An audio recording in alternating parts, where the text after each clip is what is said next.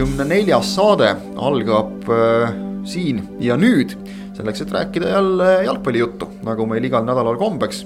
saame rääkida premium-liigast, saame rääkida mängudest, mis toimusid, saame rääkida ka mängust, mida ei toimunud. saame rääkida sedapuhku ka esiliigast natukene, kus võib-olla toimusid asjad, mida poleks pidanud toimuma ja saame rääkida asjadest, mis hakkavad toimuma, ehk siis äh, meistrite liigast, kus on äh, tulekul põnevaid uutmoodi terbisid. Ehkki see sõna on natuke üle kasutatud, aga mis siis. lisame ka vunki juurde ja, ja teisi põnevaid mänge veel. kui eelmises saates olime väga sellises ebatraditsioonilises koosseisus, siis nüüd äh, ma ei tea, võib vist isegi öelda, et tagasi juurte juurde jälle. minu nimi endiselt Kristjan Jaak Kangur, stuudios veel koos minuga Rasmus Voolaid. tere. ja Ott Järvela tere päevast, head jalgpallikuulajad.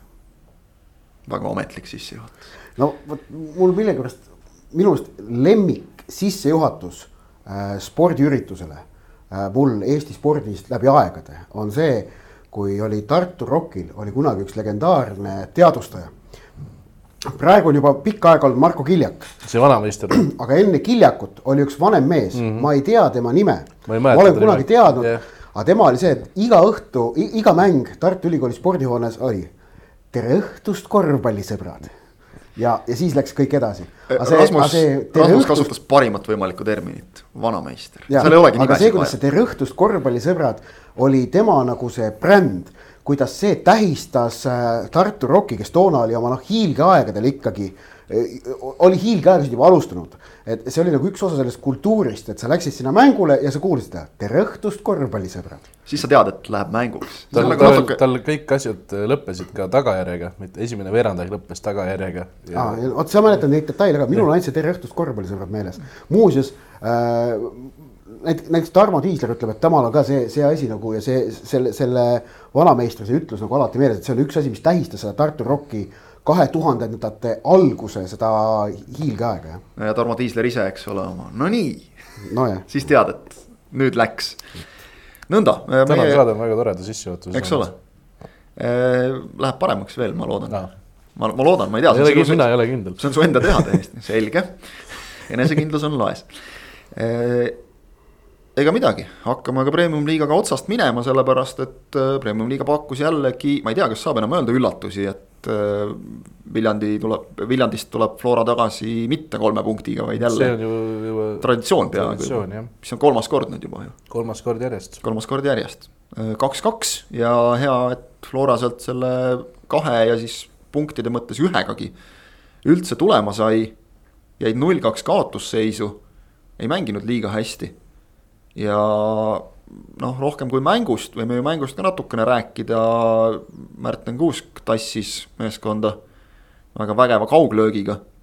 eks seal oli Floral veel lõpus võimalusi kolm-kaks ka lüüa, jäi seekord löömata jälle ja ikkagi sai üsnagi kiirelt tõeks see, mida me tegelikult oleme ju ennustanud juba päris pikka aega, et. Flora, kellel tuleb mänge kiiresti ja hulga kaupa, nagu on klassikud öelnud, siis siis neid, äh, nendest mängudest osades, kas nüüd siis kaob ikkagi mingil määral keskendumine. Jürgen Henn ütles pärast mängu täiesti otse ja ausalt välja asja, mida tegelikult on Flora nagu mängijad ja, ja noh, ka staff mingites muudes intervjuudes reipalt eitanud, et ei ole väsimust ja noh, kui sa tahad mängida, ikkagi olla edukas, mängida Euroopas, siis, siis tulebki hakkama saada sellega, et sul on kaks korralikku mängu nädalas, mis muidugi on õige tulebki saada, kui eestlased soovivad Eesti klubidest minna ka välisklubidesse, kus see on nagu pigem standard. aga, aga, aga nüüd tunnistas Henn ikkagi pärast mängu väsimust. füüsilist või ennekõike äkki ikkagi pigem vaimset? ma tegin praegu kiire arvutuse. Floral on mängitud kakskümmend kaks kohtumist Premium-liigas, mis tähendab, et kümme on veel, eks ju, viis selle kahekümne seitsme täitumiseni ja viis pärast veel omavahel ka viis euromängu, üks-kaks karikat, pluss Eesti koondis vähemalt neli mängu veel, ehk siis ütleme noh, seesama Märten Kuusk peab mängima siis kakskümmend mängu veel sel aastal. meil on septembri lõpp. meil on oktoober hakkab kohe pihta, jah. et, et päris, päris kõnekas. ja kas, kas no, noh. jah, koormus on karm, see ei ole nagu kellegi jaoks üllatus, see, et Flora pink ei ole tegelikult ikkagi niivõrd pikk, kui see on Levadial ei ole ka kellegi jaoks üllatus. aga nüüd sellest eilsest mängust ja sellest väsimusest rääkides, siis äh, siis ma olen üpris kindel, et eile oli ikkagi tegemist emotsionaalse väsimusega, mitte füüsilisega. kui sa oleks füüsiliselt väsinud, siis sa ei tuleks null kahe pealt kaks kaheni välja. et, et, et seal nagu ei jäänud see asi nagu füüsilise taha, vaid just nimelt selle taha, et see, neid äh, kohtumisi, mis on nõudnud sellist tõsist emotsionaalset investeeringut, on olnud rohkesti. ilmselt kõige suuremat nõudsid äh, need kaks duelli Shamrockiga, mis olid küll juba augustis, aga ikkagi need, need nõudsid siis noh, koondise mängudele Äh, seal mõnedel florakatel noh, võtamegi kohe Kuusk näiteks on ju. Kuusk tegi vist kakssada seitsekümmend. Kuus, Kuus tegi koondises kakssada seitsekümmend, noh tal läks ikkagi tohutult, aga teistele meestel ka seal noh. pluss noh, Kuuse roll ju selles Walesis tehtud null-null mängus oli üks kesksemaid. ja, ja siis võtame see, et noh, see, kuidas Kaljut äh, loputati, noh ja ikkagi noh, oli no niimoodi loputati, et loputati, aga see nõudis ka Flora poolt väga suurt keskendatust ja kontsentratsiooni. Et need, need kõik noh, ütleme kui sa teed investeeringut, sa pead selle kuskilt ikkagi võtma, selle ressursi, mille sa investeerid. ja nüüd noh, paistab, et selle emotsiooniressursiga on, on Floral nüüd nagu natuke napilt. et äh, noh, võib nagu loota. tegelikult, tegelikult see ilmnes juba selles eelmises nädalas siseses mängus äh, Transiga, kus mindi kaks-null kiiresti ette ja, ja siis ikkagi natuke asi, mida me ei ole Floralt nagu väga palju näinud, seal Kalju mängus näiteks ei olnud seda, eks ole, et, et noh. Väga hea esimene poolaeg, nüüd võib natukene nagu jalga gaasilt tõsta, et seal transi vastu tõsteti ja kohe tuli kerge karistus. siis suudeti ennast uuesti lülitada pärast vaheaja pausi teisele käigule, aga vot tuligi paus. ja tegelikult tunnistas ka Rauno Sappinen, et no riietusruumis no tehti päris kõva häält. et, et nüüd ei olnud seda võimalust, sellepärast et tulevik läks ju kiirelt kaks-null juhtima. natuke see ka näitab, üks oli standardolukord, teine siis penaltist noh, et niimoodi Flora kaitseliin saab unustada ära vastase keskkaitse karistusalasse, selliseid asju me näeme ikka väga harva, aga nüüd ei olnud seda võimalust võtta meeskond korraks kokku. meeskond noh, ise leidis nii palju, et lüüa kaks tagasi, aga mitte enam kolmandat. kiirelt vist siis teise poole alguses kiirelt jah see oli kuuekümnenda kandis. kuuekümnenda kandis jah, et noh, kiirelt tuli kaks väravat, aga sul ei ole seda pausi, eks ja, ole. sul on, sul on, sul on alles mõnikümmend minutit tegelikult mm, -hmm. eks ole et noh, tegelikult see vurm, mille Flora lõpus püsti pani, see oli võimas tegelikult on ju noh, aga seda me eeldamegi tippvõistkonnalt. see näitabki just seda, et noh, füüsilist võimekust on tegelikult. aga minnes selle emotsionaalse, siis on ju noh, energia juurde tagasi, et, et see nüüd läheb natukene minu poolt nüüd selliseks, ma ei tea, metajutuks, aga ja, ja väga oletuslikuks, aga ähm, paistab, et tavalisest premium-liiga mängust ja võidust, isegi kui see tuli näiteks Nõmme Kalju üle kaks-null, et sealt on praegu nüüd Floral seda emotsionaalset energiat ammutada keeruline. emotsionaalset energiat ju ammutatakse tulemustest, mängudest, noh, sportlikust sooritusest. eriti siis, kui sul täispikki treeninginädalaid ei ole, puhkepause pole ja see on selge, Floral see nii on. Äh, järelikult tuleb noh, et ja, ja kuna mängu Levadiaga pole praegu käepärast võtta ja niipea ei ole, sest et see vahele jäänud mäng mängitakse alles detsembris ja siis on üks omavaheline selles nii-öelda lisaringis veel. ma ise väga loodan, et Jalgpalliliidul jagub oidu, et seal ei hakata seda graafikut loosima või mida iganes, vaid Flora Levadia pannakse kõige viimases voorus omavahel mängima A Le Coq Arena'l. et, et kui tiitel jääb viimasesse vooru, et noh no, siis saaks kas, teha sündmuse. kas me saame sel kuupäeval A Le Coq Arena'l mängida üldse, see on ka omaette küsimus, eks see nüüd. kindlasti saab. detsembris, kui vaja, pannakse, vabandust, tähendab, siis oleks detsembris kaks Tallinna derbit on ju vaja, paneme telgi peale ja et telg oleks peale, küta sisse ja täpselt. absoluutselt, see nagu Eesti jalgpalli jaoks niivõrd tähtsad mängud. Floral on, on kuuldavasti kuskilt vist natuke raha ka tulnud viimasel ajal. see on noh, jaa, okei okay., staadionit haldab jalgpalliliit, aga et, et, et seda emotsionaalset energiat, näiteks noh, Levadia mäng kindlasti annaks seda võimalust ammutada. Äh, seda ei ole käepärast võtta. Äh, noh, Paidega millalgi veel üks mäng või kaks mängu veel tulemas on, aga, aga noh, neid ka hetkel ju ei ole. ehk et nüüd, kust see, seda emotsionaalset energiat saada ja nüüd ongi, et euromäng. ja Saage. see on koht, et kui nüüd äh, õnnestuks neljapäeval Belgradist saada selline emotsionaalne süst, et no ma ei kujuta ette no, no ilmselt on ikkagi vähemalt viiki vaja, ma ei kujuta ette mingit sellist, ma ei tea, noh, kaks-kolm kaotusega või midagi sellise asjaga, noh, ikkagi mitte. et sul on vaja sellist nagu mingit käega katsutavat tõestust, et, et see Henti mäng tegelikult ikkagi nörritas, sellepärast et äh, mängiti noh, noh, ta, ta, ta oli jah, kuigi vastane oli tugevam, siis oli ju käega katsuda ikkagi ta. võimalus sealt vähemalt viik kätte saada no oli just, vägagi olemas. no just oli noh no. kui Kosta läks kaheksakümne kaheksandal minutil karistusalas paremalt poolt sisse. me oleme näinud niivõrd palju kordi, kui sellest on ikkagi piisanud, et ta paneb sellise palli sinna värava ette, millest keegi lööb midagi sisse. või paneb ise esimesse ristnurka selle ära, nagu ta pani kaks tuhat viisteist mängus Leeduga kodustaadionil rääkimata sellest, eks ole, et noh, kuidas endale lüüa lasti, et noh, see jääb kripeldama nagu ja no, kõik jah, see tunne, et, et jah et, et, et jah, Belgradist see... saaks, saaks seda emotsiooni just saaks Belgradist ja ma olen sinuga täiesti nõus, et noh, mingi ilus kaotus selleks emotsionaalselt kindlasti ei kvalifitseeru, meil on, Flora on, on täis koondise mängijaid, noh, kes ei, ei lähe sellise mentaliteediga mitte ühelegi ja, mängul.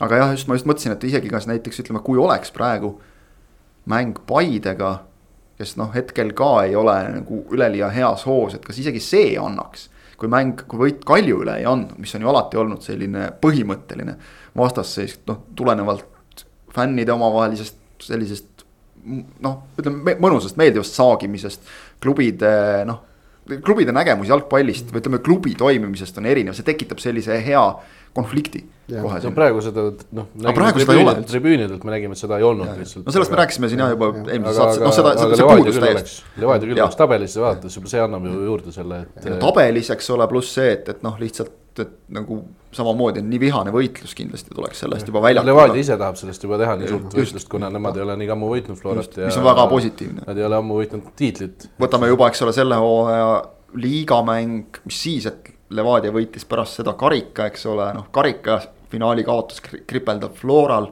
see, et liigamängus saadi tappa, see on kindlasti Levadial meeles, et, et noh, see juba loob niivõrd hea sellise aluse. tabeli osas veel olgu siis ka öelda, et jah, et kuigi Flora eile kaotas punkte siis jätkuvalt on kõik nende enda kätes. kui Flora võidab kõik ülejäänud kümme mängu, on nad Eesti meistrid äh, ükskõik mis. Ja aga see eeldab siis tõesti. sest nad on põhimõtteliselt viiega taga ja kuus punkti on omavahelistest saada. see eeldab mõlema omavahelise võitmist ja siis seda, et ma ei teagi, kumb on nagu ebatõenäolisem, et, et kas. või tõenäolisem, et, et kas see, et Levadia nüüd ei vääratagi kordagi enam. või see, et Flora võidab kõik oma järgmised mängud ma arvan, et kumbagi ei juhtu. mõlemad on võrdselt ebatõenäolised. ma arvan, ma arvan, et Flora ei võida kõiki ülejäänusid, aga ma arvan, et Levadia kindlasti vääratab isegi väljaspool mänge Floraga. ja ma mõtlesingi just mitte, mitte omavahelisi, et omavahelisi ei saa nagu vääratuseks väga lugeda, et aga. aga kui praegu nagu vaatad tabelisse ja vaatad mingeid jõujooni, siis, siis noh, punkti kaotus oleks just jah, mitte Floraga mängudes, vaid kuskil mujal eks Levadial peab ka mingil hetkel ju tulema ikkagi nüüd see päris nagu tiitlipinge peale, et noh, nüüd, nüüd tulebki ära võtta. või õigemini siis see, et nüüd ei tohi käest anda. tulevikku saame selles mõttes ka kiita, et Sander Post, kes on nüüd jälle tuleviku peatreener. meie eelmine saade esmaspäeval sai lindistatud ja siis mõni tund pärast seda tuli tuli uudis, millest noh, tegelikult ütleme kuluaarides natukene juba oli mõnda aega juttu, et, et Jaanus Reiteliga noh, oli näha, et, et seal asjad ei. ei jookse päris nii, nagu peaks jooksma, et, et meeskond kukkus ära arusaamatutes kohtades äh,. mängu jooksul väga pal palju ebastabiilsust, et noh, mingil põhjusel ei saanud Reitel neid asju käima. mis on huvitav vaadata, on see, et, et tulevik läks, neil oli üks sunnitud vahetus Arset Selmin Tongo mängukeelu tõttu tuli Danil Petrunin algkoosseisu tema asemele, aga sisuliselt mindi samamoodi nagu mindi Reiteli käe all, et noh, tihti näeme, et.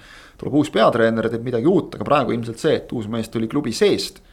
on kõigega kursis. Äh, läks samamoodi ja noh, peaaegu tuli võit.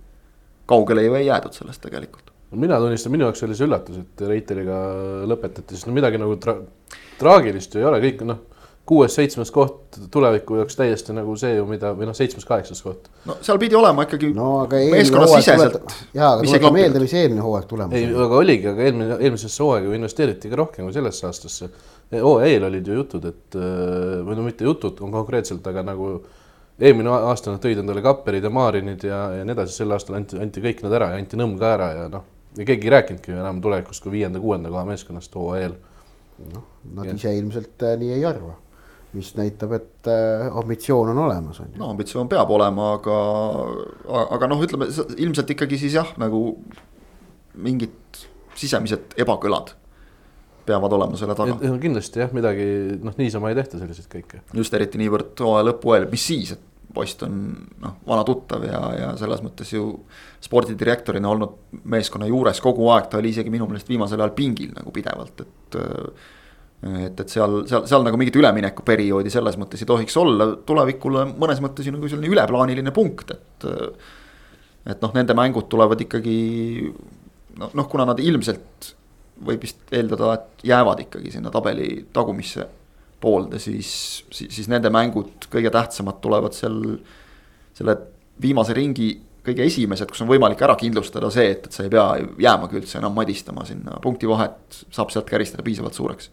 Viimase ringi kõige esimesed, noh, selle kolm mängu kokku ongi. noh, jah, ütleme esimene mäng näiteks siis, et noh, selles suhtes, et võib-olla kindlustavad enne seda ära juba, ei tea. päris tõenäoline jah aga kiitus Sander Postile ka eilse intervjuu eest, kui endise spordidirektori käest küsiti siis Jaanus Reiteli lahkumisega seotud asjaolusid, siis ta ütles, et et tema, sellest peaks rääkima klubi ja klubi juhtivad isikud, ehk siis spordireporter, spordi.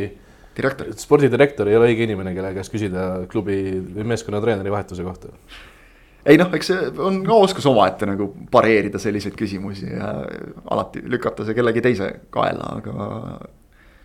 aga igatahes vaatame siis, poiss on tagasi ja, ja, ja näis, kuidas läheb, et kas see annab tulevikule nüüd veel mingi uue hingamise või, või oli see nüüd selline väike sähvatus nojah, vaatame seda, et vaatame tabelisse, vaatame tabelisse ja seis on see, et äh, on ju tulevikul, no selleks, et pääseda esikuuikusse, peaksid nad mõlemad järgmised kaks mängu võitma ja eeldama, et Trans need mõlemad kaotab, ehk et tegelikult noh, kõigi eelduste kohaselt tuleviku osaks jääb ikkagi see viimase neliku mäng.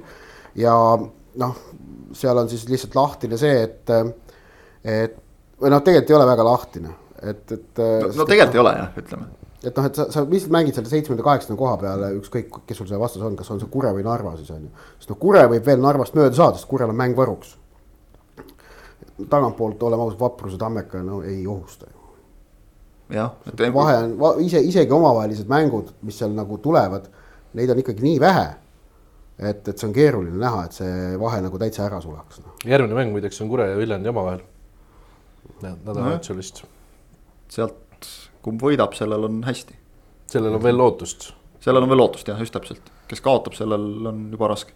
isegi Kurel, ma arvan, sest noh. kui, kui nagu tulevik kaotab, siis tulevikuga on läbi, nemad ei saa enam kolmandaks tõusta. aga et noh. jah, Kurel muidugi see järelepeetav mäng on Floraga, nii et noh. see peaks teile sobima. noh, see on lihtne ju tegelikult kolm punkti tabelisse ja korras. elu on näidanud, aga. tervelt ühe korra juba võitnud ju. jaa, muidugi, lihtne, aga nädalavahetusel võib-olla ikkagi selline kõige eelnevalt intrigeerivam kohtumine kogu lugupidamise juures siin teiste meeskondade vastu, aga ütleme tabeli ülemises otsas oli Kalju Paide ja. Ja tuli ka üsnagi intrigeeriv skoor, ehk et äh, kui Paide läks kaotusseisu jäämise järel ikkagi kaks-üks ette, siis, siis võis ju tunduda, et, et äh, noh. et läheb jälle nii, nagu on sel hooajal ikka läinud, et äh, Kalju seal omavahelistes esinelik omavahelistes ei, ei saa eriti midagi kätte, aga võta näpust. tuldi välja, võideti kolm-kaks, Ott nägid seda mängu veidikene lähemalt, et tegelikult vist oli sedapidi, et. Et mänguliselt tulid need Kalju kaks-kaks ja kolm-kaks nagu natuke vastu mängukäiku. saab nii öelda? ei ole täitsa nõus. Äh, noh, kaks kahe, tähendab kaks kahe kohta võib veel niimoodi äkki öelda, et seal oli nagu enne seda oli Paidel kolm ühe löömiseks on ju noh, see paar sellist varianti. aga kaks kahe peal oli see, et esmalt oli Paidel kaks varianti ja siis oli Kaljul kaks varianti ja siis tuli see värav.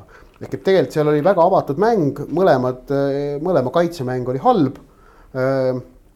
ja just nimelt ma pean eelkõige siis võistkondliku kaitsemängu silmas, seal olid nagu võimalused aga kokkuvõttes ma ütleks selle mängu kohta, et äh, kui Sergei Frantsev ütles mulle pärast mängu, et noh, üks parimatest, siis tegelikult ma arvan, see ikkagi oli Kalju selle hooaja parim mäng sedavõrd teotahtelist Nõmme Kaljut sellest hooajast tegelikult ei mäleta. Kalju on olnud ju läbi, no alates sellest, kui nad seal hooaja alg-, noh, tegelikult alates sellest, kui nad Viljandi käest selle karika veerandfinaali ju tappa said lisaajal. no ehk siis hooaja algusest saadik. jah. see oli jah märtsikuus vist jah. see võttis ju kohe masti maha. see võttis ju kohe masti maha ja no ega nad polegi pärast seda käima saanud ennast. noh, neil oli, eks ole, see periood nüüd enne siin neid äh, tabeli ülemise otsaga mänge, kus, kus nad järjest võitsid, aga noh oleme ausad, nagu materjali vaadates, noh, Kalju peakski see, selliseid mänge võitma. jah, aga need võidud ei olnud sellised sütitavad, need olid sellised lakoonilised ja, aga sellist nagu põlemist ja mõnusat sädet, vaata, mis nagu tõmbab käima, ei olnud, aga, aga, eilses mängus oli. Äh, noh, oli, oli ka see, et noh, roosad pantrid olid staadionil, ei olnud neid seal küll väga palju kohal, aga nad seal Kadrioru staadionil on see tänuväärne asi, et kui sa seal nagu tribüüni all äh, laulad või, või hüüad, siis seda on väga hästi kuulda, sest see on see kõlaefekt on võimas. no tekkis nagu selline päris tunne, et nagu Kalju, noh, sellist Kalju, Kalju kooslust. Paide, Paidega kasuks nagu karjuti ka, et see andis ka juurde minu meelest kohe, et, et oli mm., oli nagu sihukest melu taustaks, ma küll pidin seda mängu jälgima ekraani vahendusel, mitte koha pealt, aga. aga et oli, oli, oli nagu kuulda, et mind ka veidikene üllatas, kui küsiti, et kuhu need roosad pantrid kadunud on, et minu meelest tõstis neid küll nagu täitsa, et jah, palju ei olnud vist, aga. Aga ikkagi keegi oli. aga, aga noh, eelmise podcast'i eelmise osa, eelmise saate pealkirjas isegi lausa juba artikli pealkirjas nagu kandsime Kalju maha, et, et võib-olla on see, et. kuuldused minu surmast on liialdatud, kui klassikuid tsiteerida noh, jah, eks näis, aga ei noh, sportlikult on ikka seis neil see, et ega nad sealt äh, esikolmikusse nad ei jõua ju, noh, see, see, see vahe on liiga suur. Ja neil on nüüd järgmine mäng ongi Leegioniga, et kui nagu juhtub näiteks nädala pärast see minema, et, et siis nagu Kalju mängib kehvasti ja Leegionile kaotab, siis oleme jällegi tagasi seisus, kus nad on. Leegion on neist ainult kahe punkti kaugusel, et esialgu oli see ainult üks hea mäng. ja, ja selleks, et nagu tõestada, et nagu mingisugune trend on vastupidisele pööratud selle jaoks on ikkagi vaja mingit nagu püsivamat seeriat, kui see üks hea mäng, aga see üks hea mäng on olemas, see oli tehtud ja selle osas ei ole mingit kobisemist. Frantsev kiitis pärast äh, kohtumist noh, kõiki mängijaid, et et nagu tööga on see kõik nagu saavutatud. noh, see on, noh, see on kõik nagu tõsi jah, aga vähemalt noh, tähendab, ma ei tea, kas see on tõsi on, aga noh, ta, ta saab muidugi niimoodi öelda pärast head mängu, aga no siis samas tekib jälle küsimus, et mis siis varem lahti oli, on ju no see on see alati see küsimus ka. mis on lahti Paidega? see on äkki ka küsimus, et või noh, ma ei tea, kas midagi lahti nüüd on, aga natuke nagu see, et Quo Vadis Paide. Kolmanda koha suunas ilmselt, see, see paistab nagu üsna selge, aga, aga ikkagi, ikkagi nagu, kas, kas ongi äkki selle tõttu veidikene siis ka raske mingit, ma ei tea, leida motivatsiooni või, või, või, või mis seal nagu mis, on seal üldse midagi lahti, võib-olla me esitame Paidele nagu mingeid liiga suuri nõudmisi eelmise hooaja pealt lihtsalt. kui sa tegelikult materjali objektiivs... vaadates ei, ei esita ju no,. materjali vaadates me esitame ju neile täiesti noh. samu sa... nõudmisi, mida nad endale ise esitasid hooaja eel, minimaalselt ju. hooaja eel räägiti meistritiitlist ikkagi jah. mis oli ju loogiline teise koha järel, et, et sa ei võta ju, et no proovime enam-vähem samamoodi hakkama saada. Slava Zahhovaiko ütles ka eile väga nii-öelda noh, hästi tavalise lause, aga tegelikult hästi täpse lause, et nüüd on meie eesmärgiks minimaalselt kolmanda koha kindlustamine ehk nagu enne ei olnud, enne no, mängisime kõrgemat mängu, aga nüüd minimaalselt kolmanda koha kindlustamine. jah, sest et noh, siin nüüd väga palju sõltub ka ikkagi karikasarjast jällegi, et äh, seal on ju suur hulk premium-liiga klubisid endiselt olemas. et äh, Paidel noh, kolmas koht ei, ei taga ju midagi veel teatavasti järgmiseks hooajaks eurokohtade mõttes. noh, et Paide Flora U kahekümne ühe ühest otsast saavad jagu, et karika veerandfinaali koht on neil sellisel juhul noh, käes, kahe kaheksandikfinaalis Flora U kakskümmend üks. Selle nimel ka nagu eraldi ei pea hoidma või pingutama või, või midagi sellist, aga, aga nojah, eks, eks see ole kindlasti nagu raske mängida ka ju, kui sul on noh, tegelikult juba närri läinud hooaeg ja noh, eraldi, eraldi pead ennast kogu aeg kokku võtma ja, ja proovima head nägu teha ja kuidagi nagu sellest välja tulema ja nii edasi, aga noh, nagu sa ei saa enam oma eesmärke saavutada, siis vaimselt on raske paratamatult. üks asi veel sellest Kalju ja, ja, ja Paide mängust, et me oleme siin küll üritanud ikkagi natuke seda kohtunike juttu vältida siin viimastes saadetes, aga no, no tuleb kuidagi esile, et, et kas Maximiliano Ucci oleks pidanud punase kaardi saama selles mängus? kindlasti. no see jah, kui sa niimoodi ikkagi vastasel kõrist kinni haarad, kusjuures ta tuli veel olukorda väljaspoolt, mis teatavasti on raskendav asjaolu, et kui ta oleks olnud ise selle algse konflikti üks osapool, siis noh, saab vaadata teatud mööndustega asja, aga ta tuli ju väljaspoolt, et, et noh, see on jah aga, aga. kas sihukest asja saab ka hiljem äh, karistada? ei saa, kui sa oled kollase ära andnud, siis tegelikult ei saa jah okay.. no seal noh, üldiselt Eestis on ka see, et hiljem minnakse ainult nende asjade kallale, mis nagu kohtunikel täiesti nägemata on jäänud ja, ja mis nagu väga-väga räiged on, et meil teatavasti ka ebaõiglaselt antud punaseid kaarte ei tühistata. mis on muidugi jabur ja loll ja vale. ainus, ainus variant oleks vist mängija segi ajamise korral, eks ole. jah, jah selle, sellise sarnase punkti juurde saame järgmises, järgmise mängu juures ka. ja me saame jätkata, eks see, sinna, sinna ma tüürin vaikselt. et, et see nagu Udže jah, sealt noh, hämmastas jah, et, et sealt punast ei tulnud. vot just sa ütlesid praegu hästi, et on mingid otsused, kus noh, nagu okei okay,, kohtunik otsustab, aga et, et hämmastas, et, et selliseid asju on, on nagu viimasel ajal tulnud. näed, sa ju näed, esiteks, sa, kui sa annad kollase järelikult, sa juba näed, et tal läks käsi sinna, midagi oli aga kui ta nagu noh, see ei olnud nagu lihtsalt meenutades.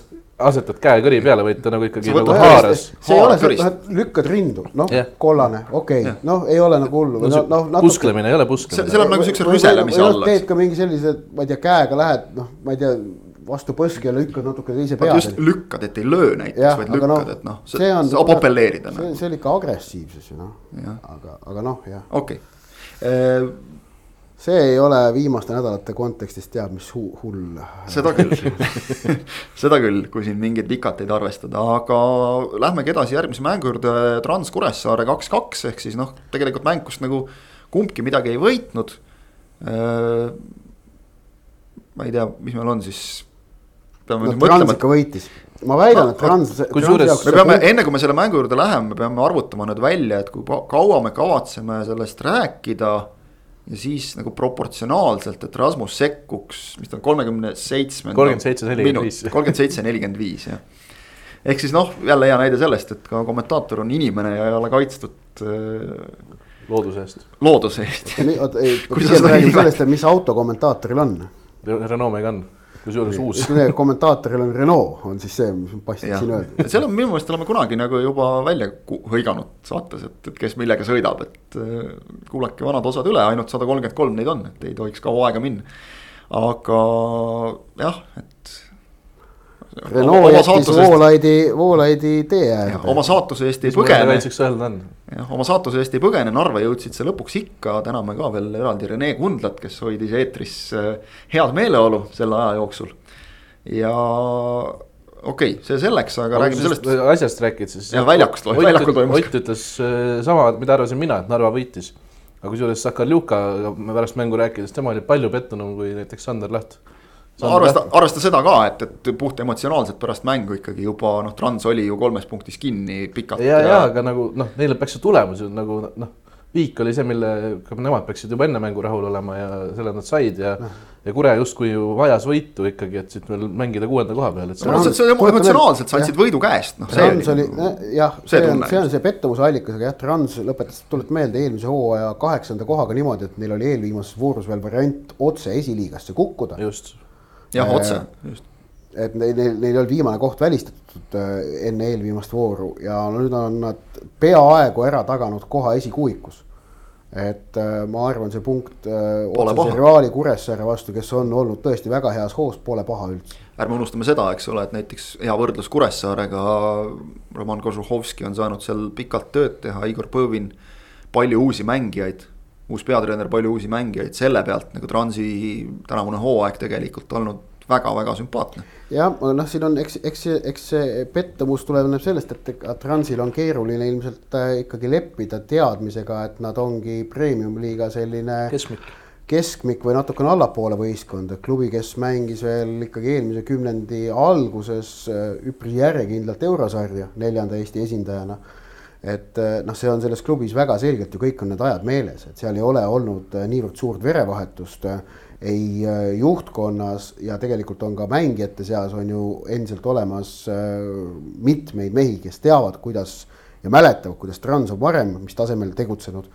et see leppimine võib olla keeruline, aga, aga tegelikult me oleme näinud juba ikka niivõrd mitu hooaega järjest juba Transilt seda, et, et noh, nende kokkuvõttes nende tegutsemismudel ei võimaldagi praeguses premium-liigas enam esiviisikusse sekkumist, et noh, et eh, Leegion on neist ikkagi noh, ma julgen öelda oma selle tegutsemisega ja nad on selgelt ette revinud, no Leegion, kui Leegion palk, palkab Mihkel Ainsalu ja Leegionis mängib äh,, mängib, Sander Puri, äh, mängib Sander Puri, on ju, et siis noh, see on tase, kuhu tegelikult ja, ja või, või palkavad sellise noh, Dušan Pakici, kes on väga okei okay vend, on ju et noh, selle, seda taset ju tegelikult Trans pole suutnud äh, puudutada. Tõsi, võib öelda küll seda, et sorry, ma segan veel, et, et Trans on vast äkki oma taseme tänavu mm, paremini välja mänginud kui Leegion või võim. ja siis vahe, vahe on ainult viis punkti tabelis Jah.. Leegioni ja Kalju vahe on sama suur kui Leegioni ja Transi ja vot see ongi see, kuidas sa mõtled, et kui Trans nagu vaataks just seda kõike, siis tegelikult võivad uhked olla selle üle, et noh, nad on. Kui me siin räägime ka näiteks, kuidas tulevik ei ole võib-olla oma maksimumi välja mänginud, eks ole, et, et Trans, ma ütleks, et on seda suhteliselt teinud, arvestades, et ega nende pink on ju ka päris lühike, sealt ju noh, ühe sellise premium-liiga mõistes nagu korraliku tasemega varumehe tood, siis tulevad ikkagi sealt noored Kondratsevid ja, ja Kovatšukid juba, eks ole, et, et pole, pole nagu ka lihtne, pluss paneme siia juurde kõik need noh, paratamatud Eesti need igasugused geopoliitilised asjad ja, ja vaatame, kui palju on üldse praegu näiteks tulemas äh, kasvõi premium-liigasse peale nagu väljastpoolt pealinna klubisid, noh, kui me isegi loeme Maardu näiteks noh, nagu Tallinna juba peaaegu et äärelinnaks, eks ole, väga lähedaseks, et. et seda kõike arvestades võib-olla Trans peabki lihtsalt natukene sättima oma, oma, oma selle mõttelise lati madalamale ja, ja olema sellega rahul, et noh, vot ongi nüüd põhiküsimus, et ei hakataks rapsima, et, et Põõbini käe all ilmselgelt asi töötab ja noh. uuel hooajal natukene veel meeskonda sügavust juurde, võib-olla mõni natukene teravam ründaja veel. ja, ja sealt võib, võib jälle tulla juba. ei, see geopoliitiline asi on väga kurb, sellepärast et noh, praegu noh, hästi-hästi korraks sinna põigates, siis Vaprus ja Tammeka mängivad nagu väljalangemise peale ja ülestulemise peale mängivad Maardu ja Kalev. jah, Elva on. Elva on seitsmes, Pärnu on kaheksas ja Velka on kümnes. just, kõik seal on tagaotsas, eks ole, et, et noh, see on natukene nagu nutune. Aga... vaatad, vaatad, kes siin nagu esiliiga B-s näiteks ka noh, pead tõstavad, eks ole, seal ongi veel Viimsid Viimsid, Tabasalud, Harju Jotka Laagri, noh, eks ole, kõik ikkagi. Jah, ja üldse Tallinn, et, et noh, Tallinn, Tallinn, Tallinn, Tallinn. et see, see on natuke nukker, et seda enam on noh, tore, et, et, et Trans oma asja ajab. Aga ei saa nüüd ikkagi üle ega ümber ka nendest otsustest, et noh, päris palju otsuseid karistusalas. Karl Mööli kukkumine ei olnud küll kohe kindlasti tingimata penalti, aga ta ei olnud ka päris kindlasti nagu sukeldumine. kui, kui noh, kui vaadata kummale poole pigem, siis pigem penalti No kontakt et- oli ilmselge. jah, kontakt oli nagu ilmselge ja ei olnud ka nagu mingit tohutut kontakti ülevõimendamist, vähemalt nagu vaadates kõrvalt. ja Äh, eriti kummaline oli ka see, et Andrei Karhu mängukohtunik oli no noh, see kaks-kolm meetrit olukorrast ja nagu jälgis seda konkreetselt. jah, jällegi nagu Ott ütles, et nagu natukene hämmastust tekitas selline otsus. minul see tekitab, ma ei vaadanud seda, nii et ma ei tea. sul on hästi jah. jah, samamoodi see penalti, mis anti siis Transi kasuks Kuressaare vastu. Kusjuures see on väga oluline veel sellepärast ka, et kuni selle penaltini ei olnud Transil, nad olid noh, viisteist, kuusteist minutit nad olid lükanud söötu palli vallanud, aga nad tegid seda kõike selle keskjoone juures, nad ei, Kuressaarel ei olnud mingit probleemi nendega kuni selle penaltini. ja siis see penalti tuli, no see, See- see, ausõna ma tahaks teada, kuidas siis on korrektne kätt hoida no,. kus ta selle käe oleks pidanud tol hetkel selle võib siis võib-olla nagu kanda selle alla, et, et noh, ebaõnn Märten lihtsalt. Pajunurm siis. Märten Pajunurm jah, just. et, et kas, kas siis võib nagu panna selle alla, et noh, ebaõnn, et, et ei olegi kätt mujale panna, läks vastu kätt. aga noh, kui me siin räägime nendest siluettidest ja kõigest, siis vot mina, mina näiteks ei oska ka üldse hinnata, et, et kui mängija viskub palli ette, et, et mis hetkel, milline see siluett nüüd olema peaks, et kui ta seisab ajab jalad harki ja, ja, ja käed laiali, siis ma saan veel aru, et, et noh, seal on, me võime siluetist rääkida, aga et mis on see siluett siis. noh, okei okay.. Jällegi nüüd mida, mida, mille kohta ei saa nüüd nagu midagi nagu täiesti sajaprotsendiliselt põhjapanevat öelda, sest kahjuks meil otsajoone kaamera meie ülekandes oli teise otsajoone taga, aga, aga Kuressaare kasuks määratud penalti. oli see karistusalas, oli see väljaspool karistusala kas seda sai üldse nagu nii kindlalt näha? kaamera põhjalt mina vist ei julge midagi. kaamerapildi põhjal tahaks nagu öelda, et pigem oli väljaspool. mina ei julge seda, ma ei, ma Ei julge üldse mina ei midagi võta öelda. seisukohta selles okay.. Vaat see ongi see, et, et tahaks nagu öelda, et oli väljaspool, aga, aga noh, tihtipeale selle nurga alt telepilt väga palju petab, et Mm -hmm. ütleme siis nii, et noh, selliseid küsitavusi oli nagu mõlemale poole. aga ega me vist täie tõeni ei, ei jõuagi kuidagi, et kõik kolm on noh, okei okay,, see kolmas kõige vähem, aga, aga esimesed kaks on ju selgelt nagu kohtuniku otsused. ja mis selle Mööli kollase eriti hulluks muudab, on see, et mees oli mängukeele ohus, ehk Just. tal tänu sellele Andrei Karhu otsusele jääb järgmine kohtumine vahele ja nagu me enne ütlesime, siis noh, võimatu, et see nagu tagasi saab seda kollast tuua. no kollast ei saa kindlasti ja siis Kuressaare ja tulevik, põhimõtteline mäng seal kuues, seitsmes, kaheksas koht ja kõik on mäng, oluline kohtumine ja Kuressaare võtmemängija ei saa kaasa teha. aga noh, kaks-kaks ta jäi Transil lõpus veel pall läks väravasse ka, aga selgelt mängis seal. see oli kõva, noh, see oli kõva. Aleksandr Sakarljuka käega. noh, see oli selline, et. Ta oleks oli... ikka mängukeel ohus olla jah, et oli siin just esiliigas ka ühes mängus, milleni kohe jõuame, samasugune olukord, et noh, käega värav, sa saad aru, et kui sa peaga ei ulata, no sa paned instinktiivselt selle käe sinna vastu. ründaja vaist. ründaja vaist täpselt ja, et käib asja juurde, aga kaks-kaks, Sander Laht võttis hästi kokku tegelikult ka selle, et, et noh, et vot see, see on nüüd just see väike mõnes mõttes nagu vastuolu või erinev lähenemine võrreldes Transiga, et. Et, et kui Kuressaare sünnipäevalaps ja igatepidi juubilar. ma unustasin selle tal eile intervjuus ära mainida no,, ta sai oma sajanda kätte ju no,. et sünnipäev sai, lõi sajanda, et selles suhtes nagu palju õnne. no igas mõttes palju õnne jah ja aga, aga Sander Laht ütles väga hästi ja väga õigesti, et, et noh, me ei saa nüüd nagu Kuressaarena nii ära ka tõusta, et me tuleme Narva ja arvame, et, et me peame siit võidu saama.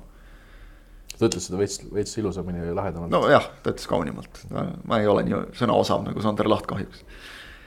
Aga Kuressaarele jah, ka selline noh, korralik tulemus väga heasse rivisse juurde aga sellest nad jäid ka, kolmas kord oli võimalik see ajalugu ära teha, kolmas järjestikune võit Premiumi liigas. ja ikka ei tulnud. ikka ei tulnud jah. no midagi peab uude hooaega ka jääma ilmselt või siis siin hooaja lõpus, kui on. no kui nad jäävad tagumise otsa mängima, siis seal on võimalik teha ära. tagumisse otsa, siis, siis seal, seal saab.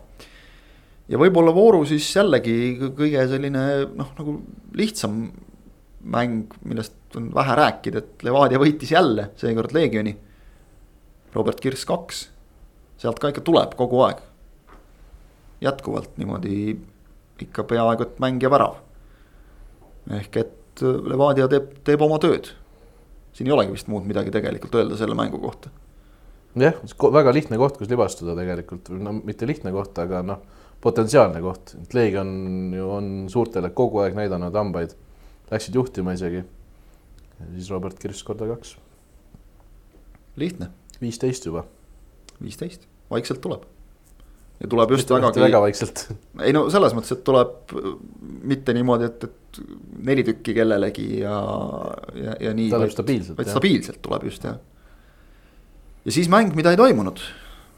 Ehk siis jõuame Vaprust Tammeka kohtumiseni, mida kõik palavalt ootasid, sest et ülitähtis mäng tabeli alumises otsas.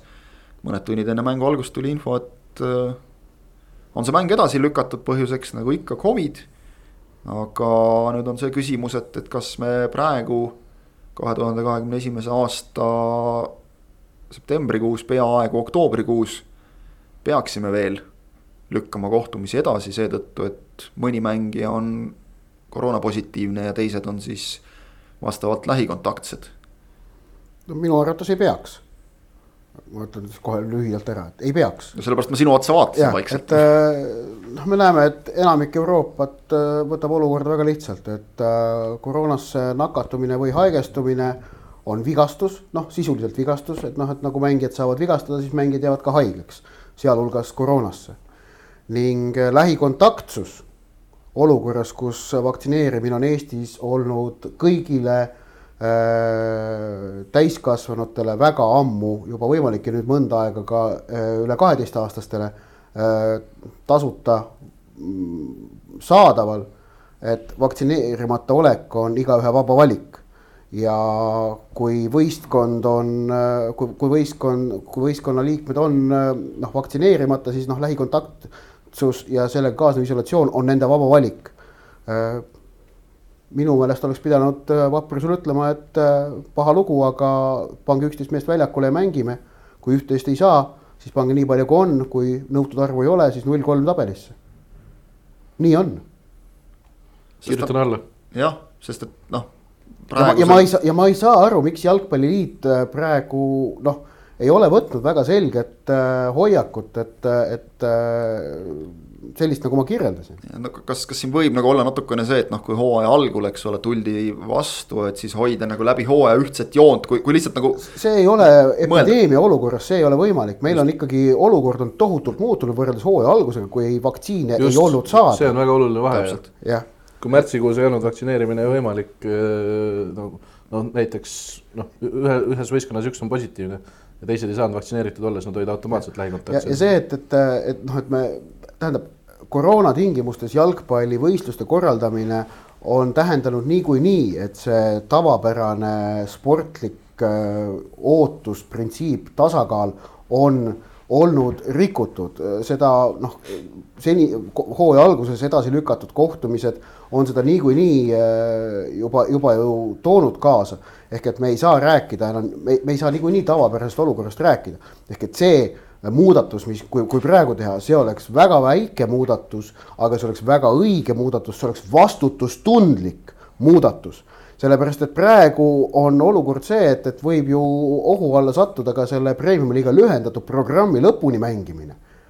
No,. nakatumine sellele..., nakatumine Eestis tõuseb, see on nagu, oleme ausad, see on ju noh, igalt poolt näha, mis tähendab, et et tõenäosus, et nakkused jõuavad ka premium-liiga võistkondadesse, ka see tõuseb.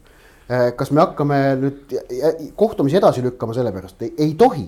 Ei tohi edasi lükata. selles mõttes ju vedas, vedas praegu, et, et tegemist on Vaprus Tammeka kohtumisega, kuna tabeli noh, mõlemad on, jäävad tabeli tagumisse poolde, seal mängitakse niikuinii kolmkümmend, selle, sellele mängule leiab, kujutage noh leiab kuigi, praegu kuigi koha. emal oleks... väga tõenäoliselt on üleminekumängud ka veel graafikus. nojah, aga, aga, aga ikkagi leiab nagu koha ja, ja aja, aga kujutame nüüd ette, kui näiteks oleks olnud kavas Vaprus Flora, mis. Vaprus Levadia järgmine nädal peaks toimuma, kas see on ka nüüd kahtluse all, sest kümme venda on isolatsioonis või? no sealt saab, testidega saab vist tulla nobedamini no, välja. loodetavasti saab, aga see on ka noh see on ikkagi väikse ohu all tänu sellele. jah, no ja ütleme noh, Levadia mänguga kuskil ilmselt pigistab ära kalendrisse veel, aga, aga oleks jah, Flora mäng näiteks olnud, no mis sa teed siis? mängime jaanuaris, ei mängi ju et noh. kas see e, e, ja nüüd asi, ma ei ole ausalt seda nüüd ennast, ennast kurssi viinud, aga kas premium-liiga klubidel on kohustus pakkuda oma kodumängudel kiirtestimise võimalust või mitte? peaks olema vist mm.. või igatahes seda tehakse, ma ei tea, kas peast öelda, see oli mingi hetkeni minu meelest oli see noh, nagu üle liiga organiseeritud ja siis mingist hetkest on ta klubide kas siis kohustus või, või võimalus. okei okay., kui ta on võimalus, see on okei okay aga sellist kohustust ei tohiks olla. ei, kohustus minu meelest ei, ei, ei, seda nagu ei saakski olla tegelikult. no see, liiga või..., tähendab noh, alaliit saab ju panna, aga, aga jah, okei okay.. jah, minu meelest et, on võimalus, kui ma ei eksi. ühesõnaga vaktsineerimine peab olema normaalsus. jah, et noh, meeldib või mitte, aga siis sellega lihtsalt ütleme, et hoida mingeid asju toimimas, siis noh, ilmselgelt sellest tuleb praegu lähtuda, loomulikult on täpselt nagu sa ütlesid, igaühe nagu vaba valik, aga, aga siis sellega kaasnevad ka lihtsalt teatavad tagajärjed. mitte ainult jalgpallis, vaid ka, vaid ka muus elus, et, et noh, võivad need piirangud meeldida või mitte, aga et selleks, et hoida ühiskonda praegu toimimas, selleks on nad vajalikud. et siis oleme ilmselt ühel meelel, et tegelikult seda kohtumist ei oleks pidanud edasi lükkama. tundub, et on kolmest kolm selles, selles valdkonnas. no vot mäng, mida ei toimunud, oli see, aga mäng, mis toimus ja põhjustas väga-väga palju järelkaja juba mängu ajal. tervemad pliiatsid said aru, et midagi on valesti, ehk siis räägime esiliiga kohtumisest, mis võib. mitte võib, vaid ilmselt puudutabki uuest hooajast väga selgelt ka premium-liigat, kuna see on üsna selge, et öö, äh, otse kõrgliigasse tõuseb esiliigast uueks hooajaks kas Maardu linnameeskond või Tallinna Kalev. mängisid need meeskonnad äh, nädala sees omavahel lõppes mäng äh, Kalevi neli-kaks võiduga, Mats Puur ja kübartrikiga, kõik oli tore ja ilus. kuniks jalgpalliliit algatas uurimise. uurimise põhjuseks see, et äh, kahtlustatakse kihlveopettust. noh, sa olid koha peal. no olin koha peal. kahtlustasid? Ehm, vot see on, sellega on selline asi, et, et sa, ma, ma olen ka muidugi seal loll optimist alati, et, et sa nagu alati eeldad parimat ja loodad inimestest parimat. ehk et koha peal ma ei noh, kuidas seda öelda, selleks, et äh, öelda, et keegi tegeleb mingi jamaga, peavad sul olema ka tõendid. selleks alustaski alaliit uurimist, et leida tõendid, sest noh, muidu võib igaüks pildada süüdistusi, see pole aus.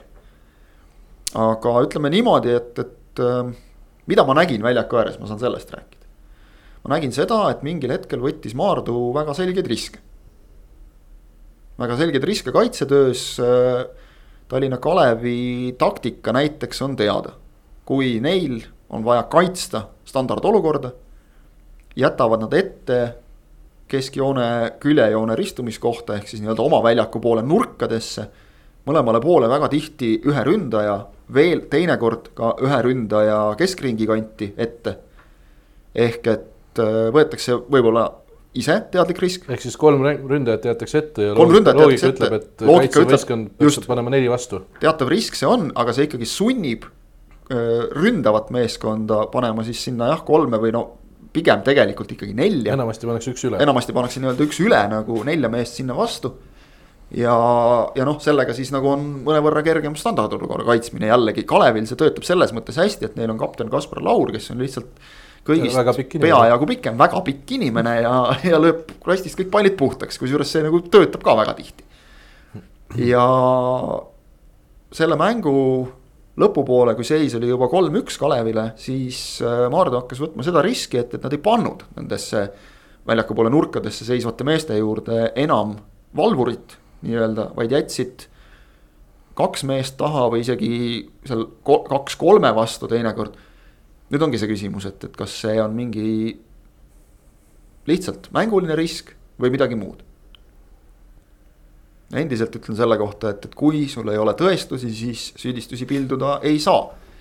millise tulemuseni jõuab alaliidu uurimine?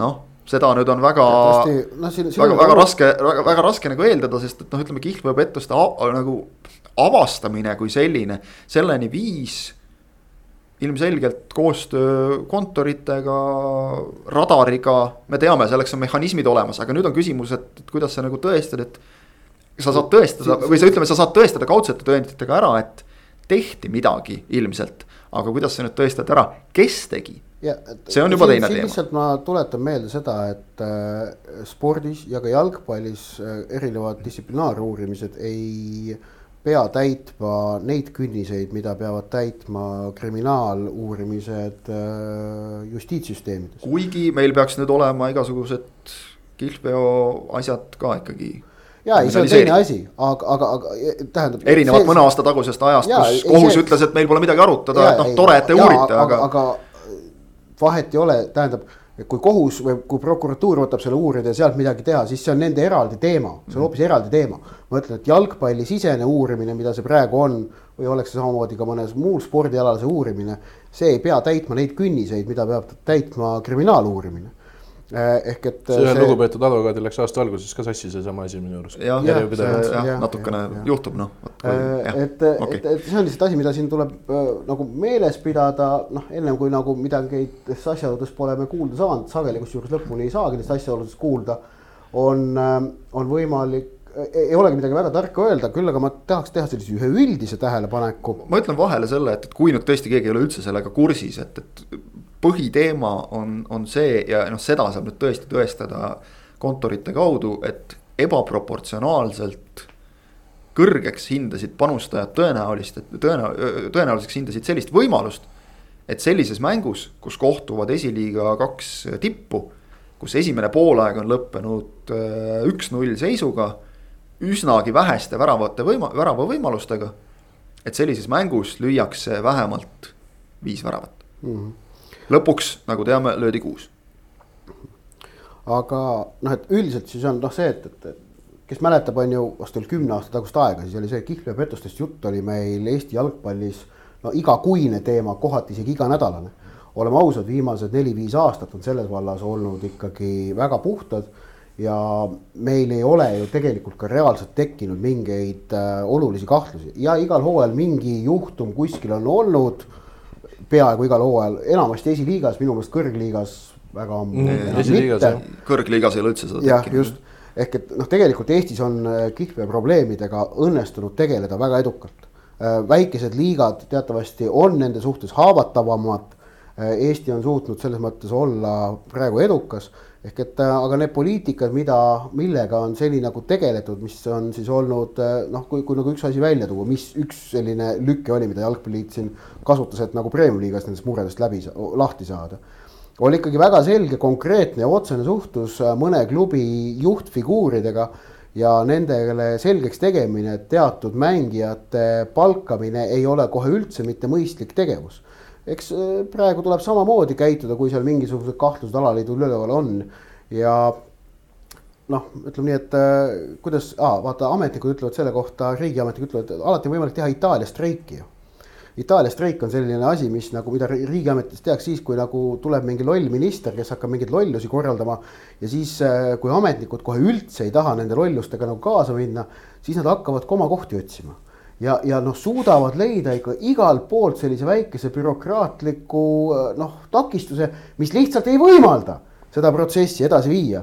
ja, ja noh, selles mõttes. tahaks küll, aga no ei saa kuidagi. kõike väga-väga hoolikalt, piinliku täpsusega, samas kõiki tähtaegi maksimaalselt ära kasutades ehk et noh, on võimalik ka, kui nagu aru pähe ei võeta, on võimalik ka alaliidul väikest Itaalia streiki mõningate klubide suhtes ju rakendada jah. kui, kui alaliit arvab, et äh, tal on äh, nagu noh, adekvaatsed äh, tõendid, et seal nagu mingid asjad on, on, on kahtlased. et noh, ega e, e, siin ei saa, see ei ole valdkond, kus on võimalik niimoodi, et mustvalgelt asjad nagu paberil ära tõestada, edasi minna, et see on paratamatult valdkond kus me näeme väga palju pooltoone, nii helehalle, tumehalle kui ka midagi keskpärast ja see nende, nende sees tuleb siis nagu leida lahendused, mis jätavad äh, kokkuvõttes usaldus, usaldusväärse mulje. arvestades kasvõi seda. oota, sorry, ja ma lõpetan, et minu meelest siiamaani Eesti jalgpall on selle äh, saanud nende usaldusväärsete lahenduste leidmise ja selgitamisega hakkama sest arvestame ka seda, kuidas tegelikult noh, siin mõne aasta tagused äh, või isegi juba natuke rohkema aja tagused skandaalid, et sealt nii, nii mõnigi mängija, kellele pandi süüks ennekõike ilmselt seda, et, et ta mitte ei tegelenud küll ise, aga ta jättis teavitamata. Nende karistusi on vähendatud, noh, ühesõnaga see selline pitsa ja prääniku meetod minu meelest just ega see prääniku pakkumine, et see, see on. see on nagu töötanud hästi, et ei ole eesmärk ainult mitte karistada, karistada, karistada, vaid eesmärk on saada sellest probleemist lahti ja. ja, ja loodetavasti noh, ka kasvõi juba lihtsalt ainuüksi see, et äh, signaal. et me, me hoiame toimuval silma peal kui midagi sellist toimub, siis me saame sellest tegelikult info juba mängu ajal. selleks me teame, ongi noh, need radarid tehtud ja loodud. see torkab silma, kui midagi, midagi väga-väga nagu ütleme, veidrat toimub, nagu, nagu antud juhul siis see vähemalt viie värava peale panustamine. ja sealjuures kõik teised nii-öelda need võitjad ja kaotajad. teised liinid ei jooksnud kokku just. sellega, selles oli, selles oli nagu ennekõike küsimus. et noh, see ei ole loogiline ja, ja kui me anname nagu kasvõi signaali, et noh, me jälgime ja, ja me tõesti kohe, see oli vist päev pärast, jah, päev pärast, järgmisel päeval pärast äh, mängu toimumist algatati kohe uurimine. noh, juba see, ma usun, tekitab, kui keegi millegi sellisega tegeleb, temas ilmselt võib-olla natukene sellise mõtte, et noh, okei okay,, võib-olla ei maksa riskida. kui me saame ka selle kaudu nagu sellest probleemist lahti, siis, siis on ju tegelikult hästi nii et eks näis, kas, kas midagi sealt üldse tuleb, nagu Ott ütles, et noh. Need on sellised asjad, kus, kus ei saa kõikidest asjadest avalikult ka rääkida. ka teinekord edasiste võimalike uurimiste huvides, sa ei saa paljastada nagu kõiki töömeetodeid. aga noh, nii palju, nii, nii palju me teame, et, et need, need radarid on üks, üks põhiasju, noh, ei ole ju huvitatud ka, ka kihlveokontorid mingitest pettustest, nii et äh, see, see koostöö toimib ja, ja võib-olla tõesti see, mida, mida Ott ka juba mainis korraks, et, et Eesti jalgpall on sellega saanud selles mõttes hästi hakkama, et ei ole kordagi tehtud nägu, et. et seda probleemi kas ei ole olemas või et see probleem oleks väike, et, et noh, me, me Eesti spordist teame mõnelt teiselt alalt, kus on öeldud, no ei, meil küll ei ole. meil kindlasti ei ole sellist asja ja noh, siis mingi aja pärast on oldud sunnitud möönma, et vist ikka oli äkki. või ikka on äkki, et me ei ole päris puutumatud igatahes, mis saab, ei tea, aga, aga, aga me vist noh, natuke ikka teame, mis saab siin homme-ülehomme, sellepärast et meistrite liigat mängitakse.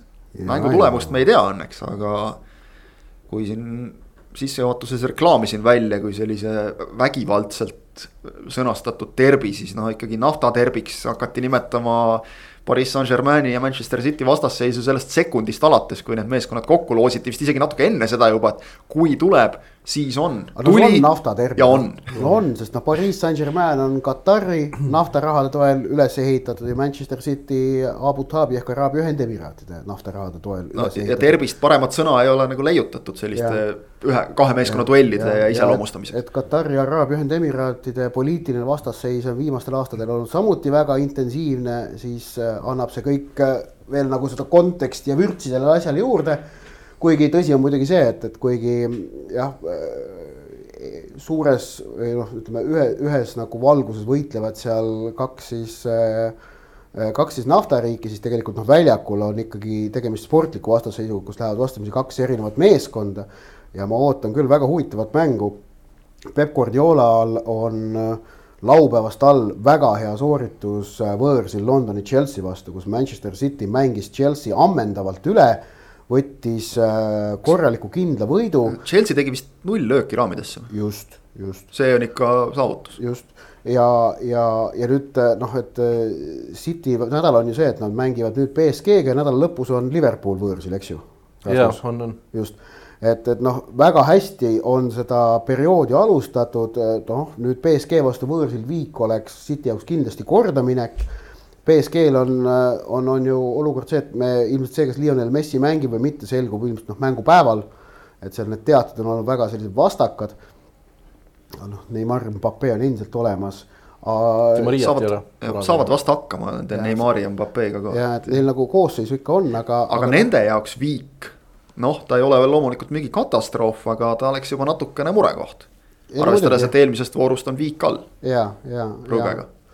Et, et sest noh, et jah, tuleb meeles pidada, et neil nagu see alagrupp ei ole midagi lihtsat, sellepärast et okei okay,, Leipzig ei ole tänavu pärast seda rüüstetööd, mida Müncheni Bayern nende kallal tegi, enam niivõrd äh, ma julgen öelda, niivõrd nagu ohtlik, kui ta oli eelmisel kahel hooajal aga Leipzig on ikkagi selles alagrupis olemas, Club Brügge sai ka punkti juba kätte, et see ei ole mingi selline alagrupp, kus sul on noh, selgemalt, selgemalt see esi, esi tuua välja joonistunud.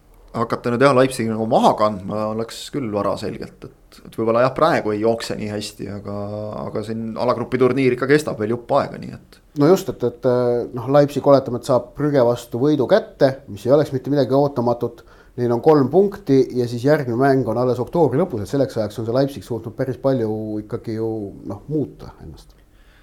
tead, teisipäevase kõige põnevama mängu osas vist ei tohiks nagu erilisi küsimusi olla no,, kuigi seal on. Porto, Liverpool. no sa oled veidi kallutatud ka jälle selles osas ei, tegelikult muidugi. aga kolmapäeval on rohkem ja seal on keerulisem, kolmapäeval on keerulisem valik. sest kõik ja. on kell kümme ka see on jah. meie kolm välja valitud. jah, valisime kolm mängu välja, üks neist on äh, Manchester United Villarreal, kus äh, Manchester Unitedil on praegu raske hetk.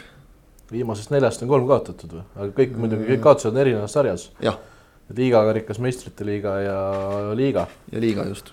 Praegu on siis ikkagi meistrite liiga mänguga tegu ja kui esimene mäng Young Boysile võõrsil kaotati, siis äh, noh äh, tähendab, et sul on ülejäänud viiest mängust vaja ikkagi teenida vähemalt üheksa, pigem kümme punkti no,. arvestades Nendest..., et Unitedi siht on ikkagi alagrupi esikoht tõenäoliselt, mis no, võib-olla annaks natuke parema vastase ka. no esi, okei okay,, ma räägin edasipääsu. no jaa, aga jah nii või teisiti oleks vaja saada... kodus, kodumäng ikkagi Villarrealiga võita. selleks, et sul üheksa või kümme punkti kokku saada, sa pead kodust ikkagi võtma no kolmest kolm.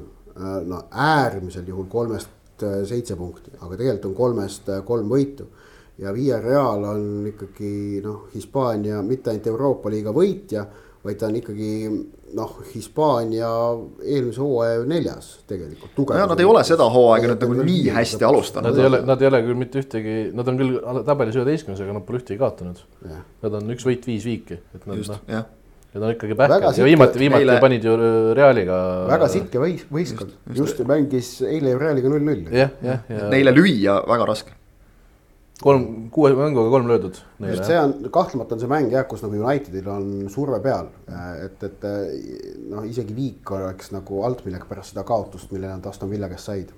Eriti just. aga kui tuleks praegu ka kaotus, siis kas on juba Sulcheril natuke on halvasti või? ei ole. ei usu, vaata siin on see konks ka, et, et kui sa hakkad treenerit vallandama, siis sul peab olema nagu väärt mees asemele võtta ja ma ei, praegu ei ole kindel, kas, kas on turul sellist. Koppel ja Reitel on vabad. jaa selles mõttes ütleme siis jah, et diplomaatiliselt korrektne olla, et turul on väärt mehi, aga ma kardan, et äh, Manchester United äkki, äkki ei jõua Koppelit palgata lihtsalt, et see. natukene vara vist jah. jah, äh, jah, nagu sa ütlesid, et äh, Aston Villa vastu kaotus mm. -hmm. aga valusal moel ka veel, et noh, see nüüd sai vist ka selgeks, et Bruno Fernandes penaltid mõnda aega ei löö. keegi teine Portugali poiss, kes ka väidetavalt vist suvel toodi, see võtab üle. noor, noormees, palju lubav selline kolmekümne kuue aastane noor ründaja, jah. jah, eh, tulevikulootus, aga mis ikkagi on kahes viimases mängus, ka selles kaotatud karikamängus, noh liiga karika kaotamine, see ongi.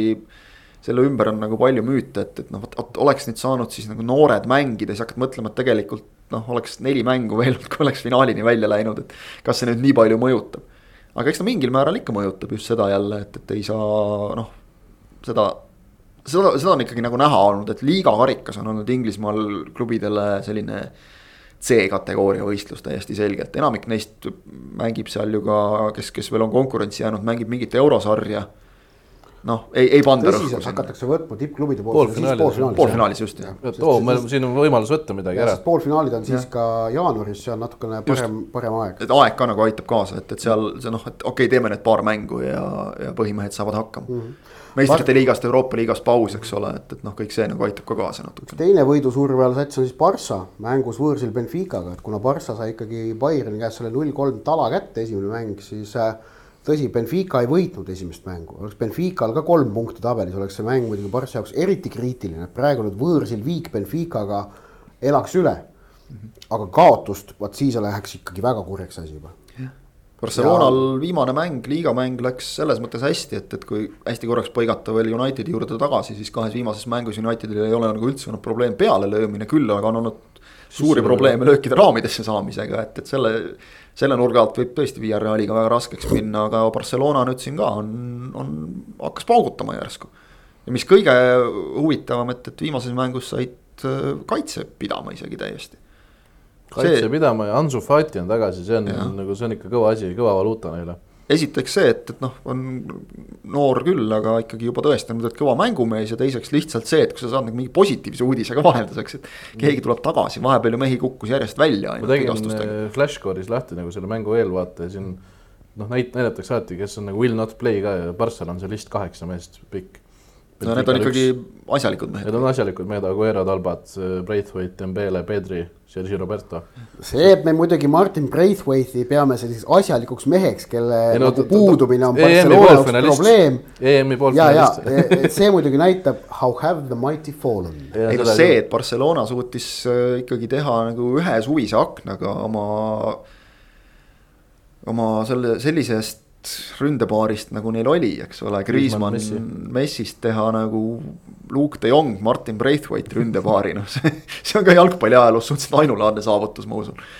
aga noh, Luke de Jong lõi värava. E, jaa, Luke de Jong lõi värava ja Braithwaite lõi ju siin hooaja alguses, kui väga vaja oli, siis ta ju skooris. muidugi head mängumehed. ei no see noh, ongi see, et, et mees võeti Barcelonasse, et ega nad nagu päris naljavendi sinna ka ei, ei lasta ikkagi ja. No see muidugi, muidugi, kuidas Braithwaite võeti sinna Barcelonasse, see oli nalja. see noh, see, see oli tragikoomiline tegelikult mõne teise klubi jaoks, eks ole, et, et noh, see, see oli narr.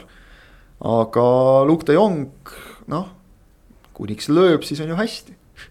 eks ta jättis siin ühes eelmises mängus, kellega see oligi, jättis, jättis liigamängus ühe löömata ka umbes kolme meetri pealt, nii et tuleb ka selliseid päevi ette, aga. aga seekord oli hea päev siis Barcelonal vähemalt ja, ja noh, saavad vähemalt korraks nagu selle Kuumani jutu ka laualt maha, et äh, Kuumaniga seoses. Kuuman pressikonverentsil ütles sõnu ka või? seekord ta vist isegi kommenteeris, ta ütles, et Hispaanias on jube nõmedad kohtunikud, et, et. see on just Hispaania eripära, minu arust kõik teised riigid on alati kohtunikega rahul. jah ei no Kuuman tõi huvitava asja välja, et, et noh, seal, see on ka mulle silma torganud, et Hispaanias saadetakse minu meelest peatreenereid äh, platsi äärest minema palju kergemini kui, kui mujal. et, et seal piisab lihtsalt oma rahulolematuse ülesnäitamisest ja öeldakse, et, et kõik mine tribüünile ja aitab. et, et noh, Inglismaal sealt teleülekandest tuleb ka teinekord igasuguseid karvaseid ja käiakse korra rääkimas ja on kõik. et kui sa ikka nagu täpselt kättpidi kellegagi seal kokku ei lähe või, või ikka midagi väga halvasti ei ütle neljandale kohtunikule, siis sind ikka ära ei saadeta naljalt. ja minu meelest ka ikkagi mujal nagu see ei, ei, ei, ei käi nagu nii kiirelt, aga noh, ilmselt Hispaanias hoitakse siis natukene nagu seda joont ka, et et, et kohtunikke kaitsta rohkem, aga see selleks, noh, Kuumani mured on Kuumani mured, siin on ka räägitud juba sellest, et Barcelona tahaks Roberto Martinest, noh mingil hetkel tundus küll veidi kummaline, et miks peaks Roberto Martines minema. minema Belgia koondise tüüri juurest, kus tal läheb tegelikult ju väga hästi. minema siis nagu Barcelonasse, kus sa tead, et sa oled. Ott kunagi sõnastas hästi, et see oli vist käis nii Barcelona kui Reali kohta, et sa oled ühe-kahe, kahe kaotuse kaugusel vallandamisest. et see no mitte, et see on esimene oleks, kes oleks seda geniaalsust sõnastanud, aga ja. nii ta on lihtsalt, et. et, et seal, seal käib kiirelt. Ja siis on kolmas mäng, mille valisime, on Juventus Chelsea. see on suur mäng lihtsalt. tabelis mõlemal võidud, selles mõttes ei ole hullu, kuigi see, kuidas Juventusel liigas läheb no nüüd said ka võidu kätte. on hull no,, kuigi nad said võidu kätte, aga. no niimoodi ikka koperdades, tuterdades, aga ka Chelsea, kelle kohta tegelikult enne laupäevast mängu Man City'ga ma oleks küll julgenud öelda, et nad on hetkel praegu Euroopa parim võistkond äh, just nimelt ka hetk, mitte ainult sellepärast, et nad on valitsev Euroopa meister, vaid sellepärast, et nad mängivad hetkel kõige paremat mängu. Nende pidurdamine on kõige keerulisem ja siis ilmnes, et Manchester City pani nad noh nii kinni, et oli ikka pandud, et noh, et äh, see, see oli.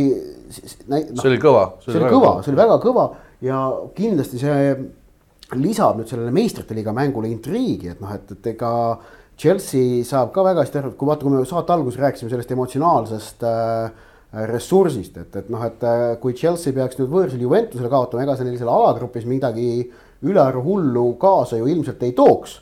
Noh, kui sa võõrsil kaotad teisele tipule selles klubis, et see on nagu okei okay,, on ju. Ähm, noh, ei midagi hullu aga see emotsionaalne press, mille alla see Chelsea paneks, vot see on see, mida nagu Tuhhel kah kahtlemata soovib väga-väga vältida, saab aru, et et, et, et noh, me näeme juba praegu, et Premier League'is on see eksimisruum on tänavu väga väikene, sellepärast tõesti äh, heas hoos võistkondi on ikkagi palju, noh, Liverpool mängib hästi.